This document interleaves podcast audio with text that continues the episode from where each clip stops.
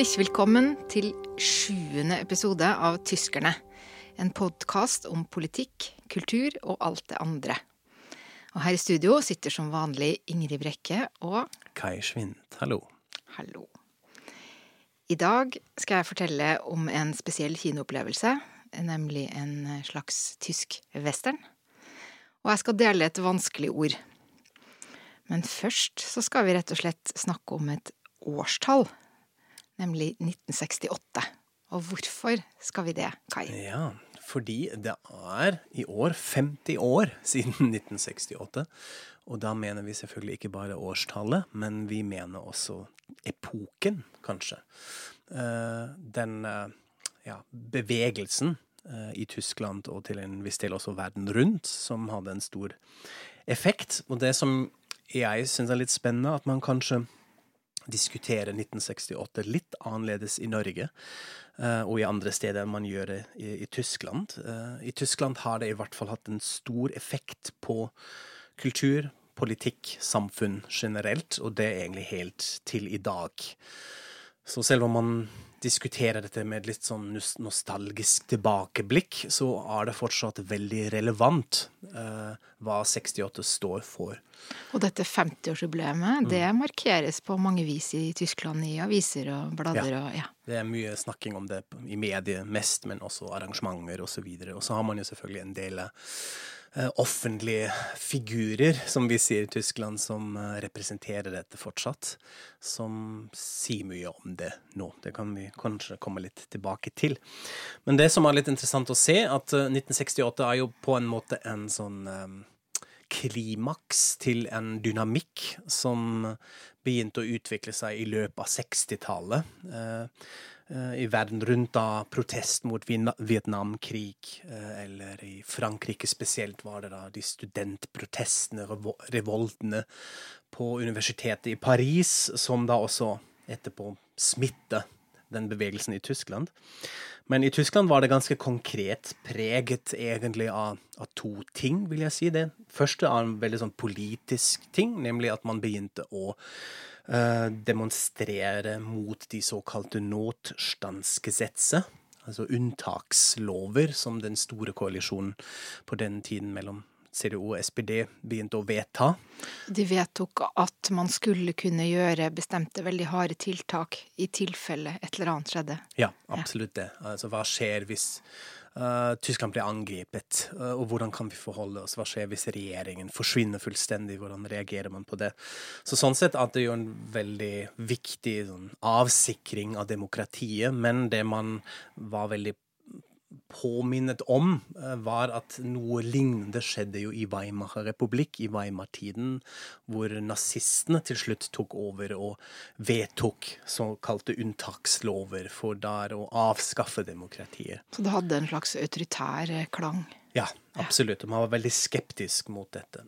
Så da begynte eh, etter hvert studentbevegelsen reformere seg til den såkalte außerparlamentarische opposisjonen, altså utenomparlamentariske opposisjonen, ja. eh, APO, APO, um, som ja, tok ganske konkrete tiltak da, og tok denne protestbevegelsen til gatene. Og den andre eh, ja, utløseren 68 av vel et litt mer sånn samfunnsfenomen som man um, kan se, eller kunne se i Tyskland, nemlig den at man til denne tiden egentlig aldri hadde gjort et ordentlig oppgjør mot nazifortiden uh, i Tyskland. Og da spesielt fordi denne såkalte denazifiseringen, altså entnazifisering, som uh, alliertene skulle gjennomføre i Tyskland, at alle som var nazister, skulle fjernes fra offentlige verv og alt mulig, at den egentlig aldri ble gjennomført. Dette fungerte jo rett og slett ikke. Så man hadde fortsatt mange lærere, dommere, leger eh, langt inn i 60-tallet som hadde vært eh, glødende nazister eh, i nazitiden. Og I tillegg så var det vel dette med at den denazifiseringa ble jo utført litt sånn med trykk utenfra. Ja. Mens den derre indre renselsen, da, eller hva man skal kalle det, den hadde man jo ikke gjort. Nei, det har man aldri gjort, og det kjenner jeg fra min egen familiehistorie. Mammaen min som fortalte at dette var et stort tema, skråstrek ikke-tema, innenfor familien hennes. Altså bestefaren, som var SS-medlem. Uh, og som ble straffet etter krigen. Uh, satt et år i fangenskap. Man kom tilbake til familien, men aldri prater om dette. Nei. Og barna satt da med masse spørsmål og lærte på skolen om Auschwitz og Hitler og alle de grusomheter, men kunne ikke snakke med faren som hadde vært med. Nei. eller som han antok hadde vært med, men han visste ikke til hvilken grad om dette.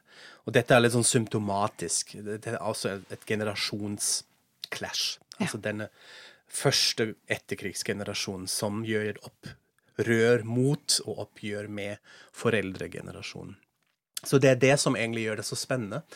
Uh, og så er det selvfølgelig alltid en del personer som man knytter det til den bevegelsen. Og da er det f.eks. Benno Ånesak, eh, et veldig kjent navn i Tyskland. En student som ble skutt under en demonstrasjon mot Shahen av Iran? Mot sjahen av Iran, ja. riktig. Det var jeg tror 1967, et år før. Av en egen sånn vanlig politimann i forsvar, som han hevder. Men det var altså da hele denne protestbevegelsen begynte å radikalisere seg. Da var det flere fraksjoner innenfor studentbevegelsen som sa nå er det slutt. Når dere skyter på oss, så skal vi svare med vold selv. Eh, og da begynte jo hele det klimaet å, å forandre seg. Og det samme skjedde også med Rudi Dutschke, som var altså et annet veldig kjent navn. En student, uh, protestleder. Han var også sosiolog uh, og utrolig um, talentfull retoriker. Veldig karismatisk person. Um, som også ble skutt på, i hvert fall på åpen gate, av en sånn forvirret høyrenazist. Um, og Rudi Dutschke døde ikke da, men han døde han ble veldig hardt skadet og døde ti år etter. Og det var der at den bevegelsen også fikk en sånn annen vri, fordi man hadde pekt ut mediene, og da spesielt Bildzeitung, altså den store tabloidavisen i Tyskland, som hadde vært med å litt sånn hete opp denne stemningen, eller å uh, ja, hisse opp stemningen i Tyskland. Hadde en veldig tydelig konservativ, ganske reaksjonær mm. posisjon mot studentene. Og da snudde bevegelsen og fokuserte på Springer-forlaget som står bak eh, Bildzeitung i Hamburg, og da var det rett og slett gatekamp og brenning av avisene i gatene osv. Ja. Og så ble vel hele 68-bevegelsen i, i Tyskland Altså en grunn til at det sikkert er ganske vanskelig å, å forholde seg til det i dag, er vel også at, den, at deler av den ble så ekstremt radikalisert. Da, at du også fikk en voldelig gren som drev med eh, terror og, og, virkelig hadde landet i et sånt angstgrep i, i flere år, med RAF og, og, sånn. Og så har du disse mer eh, myke som vi kjenner igjen bedre fra, fra Norge, da.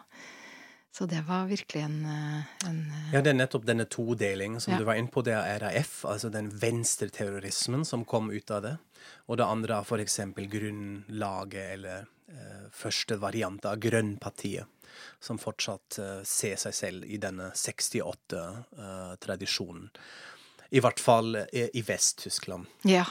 Da kan jeg jo nevne altså det er veldig dette med det nye Europa, og at vi nå er Eh, et kontinent, men likevel har med oss en del av disse øst-vest-skillene. Det kan man jo også se nettopp her, hvordan 1968 eh, betyr noe annet i de postkommunistiske landene og de som var bak jernteppet. Da. Ja. Eh, og et eksempel på det er jo en konflikt mellom Angela Merkel og Joschka Fischer i 2001. Og da var jo Jorska Fischer, som er en veldig kjent 68-er eh, og, og grønne politiker, og som da var utenriksminister. Mens Angela Merkel hun var jo den gangen partileder i opposisjon.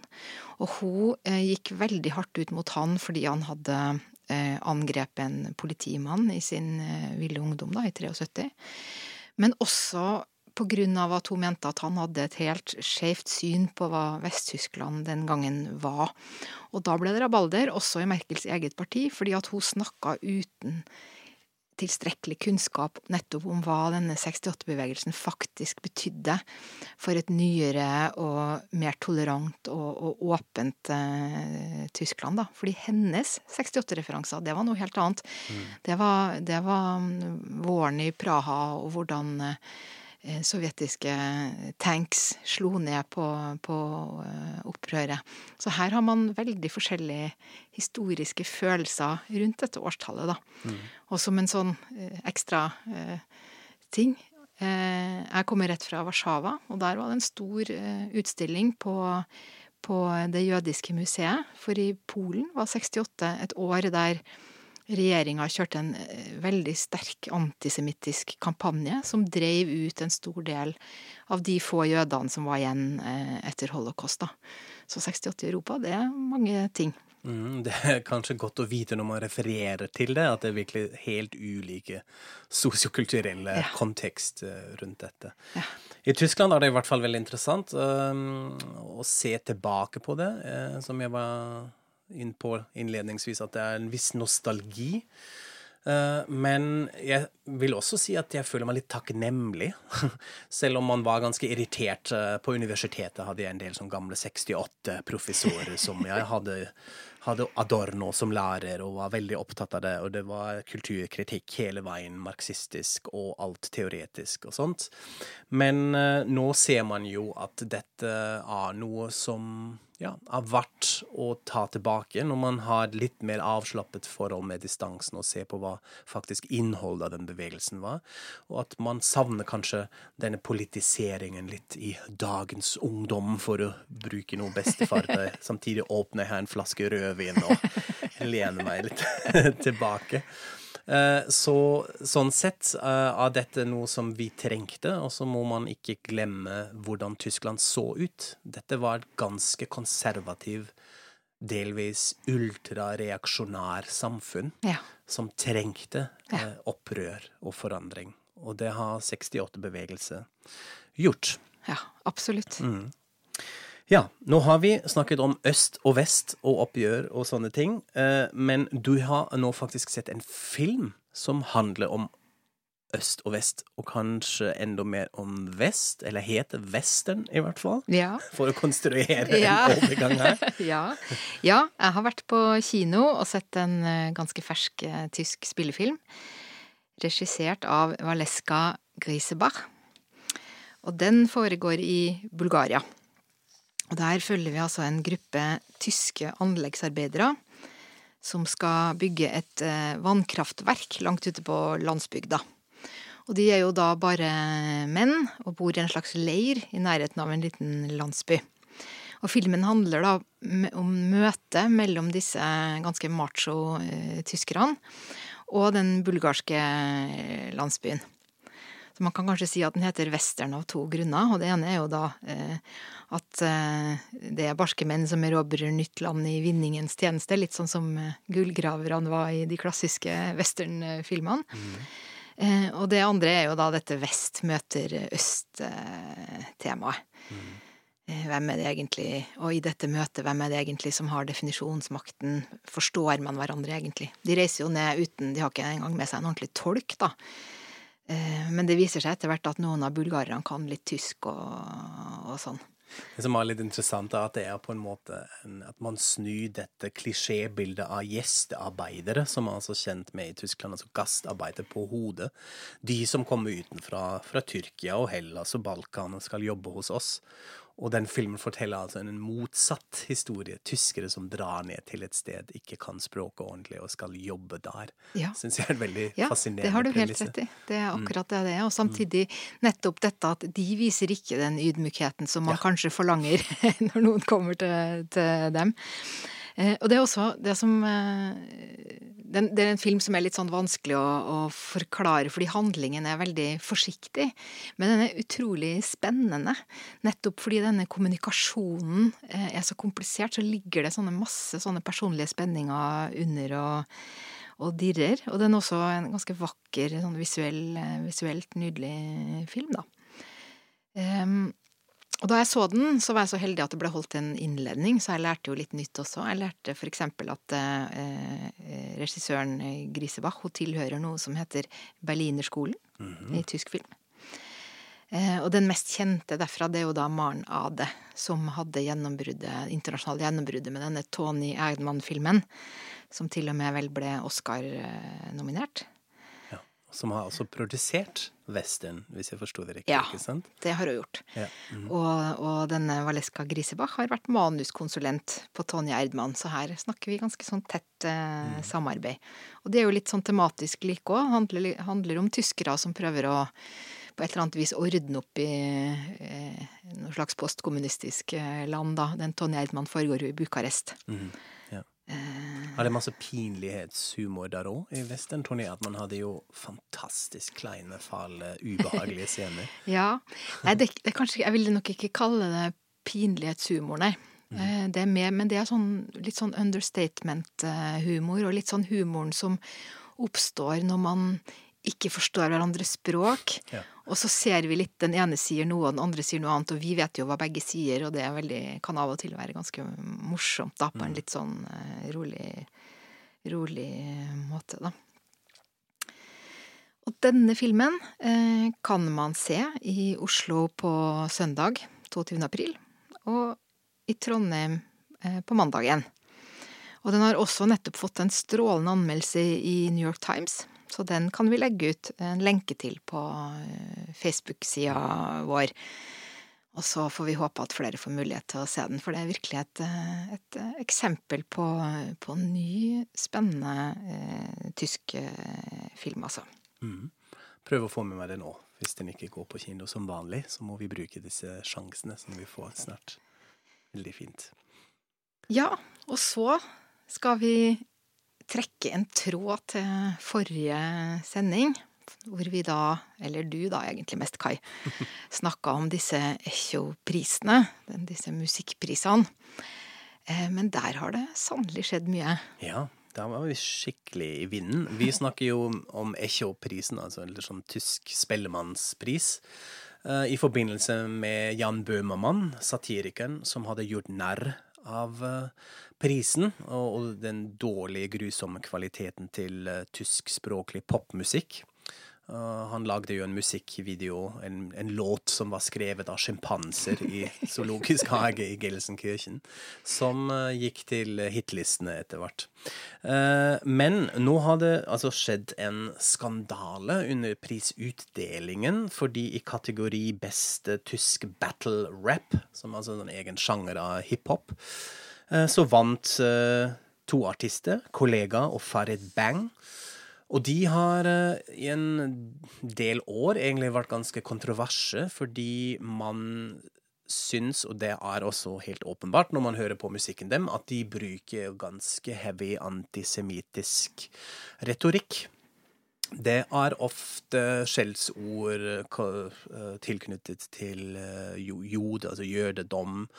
Eller det finnes en tekstlinje som sier ja, jeg har en sånn definert kropp som en uh, person fra Auschwitz osv. Så videre. sånn ganske usmakelig mm. uh, ja, retorikk. Nå kan man si ok, greit, dette battle rap uh, jobber med klisjé og stereotyper, den skal provosere, og den gjør den jo kanskje, men den, det, kan, det hele har en liten sånn samfunnskontekst som var litt interessant å i hvert fall følge med, fordi eh, det er mange innvandrere fra nordafrikanske land som uh, har battle rap-grupper, uh, eller jobbe med den saken. Så man har mye muslimske innvandrere. Så da har du den hele, en litt mer global kontekst ja. rundt dette. Og det som skjedde da, var altså under, at under Echo prisen var det én musiker, Campino, som eh, leder det kanskje eldste eh, tyske punkbandet, De Toten Hosen. Skulle også få en pris og benytte anledning for å si dette er jeg ikke enig med, jeg må si ifra om dette. Jeg syns det er dårlig gjort.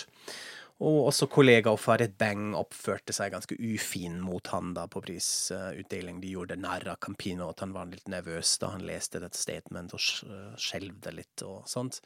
Så har de fått mye kjeft på det i etterkant, og det, det som skjer nå, at det er mange tidlige vinnere er ikke oss som gir tilbake prisen. Ja, det bare fortsetter og fortsetter, fortsetter denne flere skandalen. Og flere, ja. ja. Marius Muller Westernhagen, veldig kjent uh, pop-rock-musiker, og Klaus Formann, som jobbet sammen med Beatles. Uh, uh, som fikk et sånn ærespris for livsverket, som sa nei, jeg skal ikke være med lenger. Så det blir mer og mer og mer. Så dette er noe som Echo-juryen må uh, uttale seg om snart. De har også beklaget, men hva som skjer med prisen nå, hvordan den muligens forandres, eller om den skal legges ned, som jo mange, blant annet Jan Bøhmermann, har krevd lenge, uh, det får vi se. Men da var det altså plutselig veldig veldig aktuelt med Echo, som vi egentlig skulle bare prate om med et sånn ja. kanskje litt uh, morokontekst. Men dette blir spennende å følge videre med, hva, ja. hva som skjer. Ja. Det blir det. Mm -hmm. Og da skal jeg komme med mitt eh, ord for dagen. Ja. ja. Ordspalten. Ja, ordspalten. Mm -hmm. Og da kan man kanskje si at jeg har med meg et ord som kunne vært brukt om disse to battle rappers, da. Ja. ja. Og dette er en av disse ordene Alle vet at når man eh, lærer seg et fremmedspråk, så, eh, så er det noen ord som man bare underveis ignorerer, fordi man kan ikke slå opp alt, og man skjønner på en måte at de kanskje ikke er så viktige, da. Og dette er et sånt ord som jeg bare har latt ligge i årevis, og skjønt at det er et slags skjellsord, men eh, ja. Men nå, ja, ordet, det er da kraftmairai. Mm -hmm. Eh, og grunnen til at jeg nå skjønte at nei, nå må jeg bare ta meg sammen og skjønne ordentlig hva det betyr, det er at eh, Kevin Kynert, altså lederen for, den nye lederen for, eller lederen for Jusos, som har vært så mye framme, han bruker det ordet ganske mye, da. Han har brukt om CSO, han har brukt om eh, at eh, Jens Spahn i CDO driver Kraftmairai, da.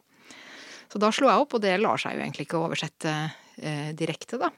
Men jeg i hvert fall forsto at en kraftmaier, det er en slags grobian. Mm -hmm. En sånn kraftig, brutal mann. En slags mhm. bølle. Ja. Eh, så det å drive kraftmairai, det er vel å gå sånn hardt frem. Bruse med fjærene og slå seg på brystet og være sånn tøffing, da. Mm, ja. Absolutt. Det er bra. Jeg tenkte også litt på uh, konseptet av mansplaining. Uh, det ja. går litt inn i det òg. Altså, det er ikke nødvendigvis relatert til kjønn. Kraftmaie. Det finnes også kanskje kvinnelige kraft meierinner, som de hadde sagt på tysk. Men det er en sånn konnotasjon at dette er sånne alfamales som skal være veldig barske og ja. mene ting og ha rett. Ja. Uh, så det, ja, det er et veldig fint ord. Jeg prøver å oversette det på norsk. Kraftmeieri. Ja, det, det fungerer ikke helt. Nei, det fungerer ikke helt. man, man trenger denne konteksten. Ja. ja. Men det er jo fint å kanskje runde av med nettopp det. Nå var vi litt kraftmeiertere. Um, er det noe vi skal nevne? Selvfølgelig gå på Facebook-siden vår. Se hva som skjer der. Vi skal jo legge ut uh, en del ting. Og så kan vi takke for eh, at vi har fått anmeldelser. Ja. Og vi har fått stjerner. Og vi blir kjempeglad for alle som anmelder og, og gir oss stjerner, da. Ja, det blir vi veldig glad av. Så det må dere bare gjøre. Lik og del, som en norsk politiker sa nylig.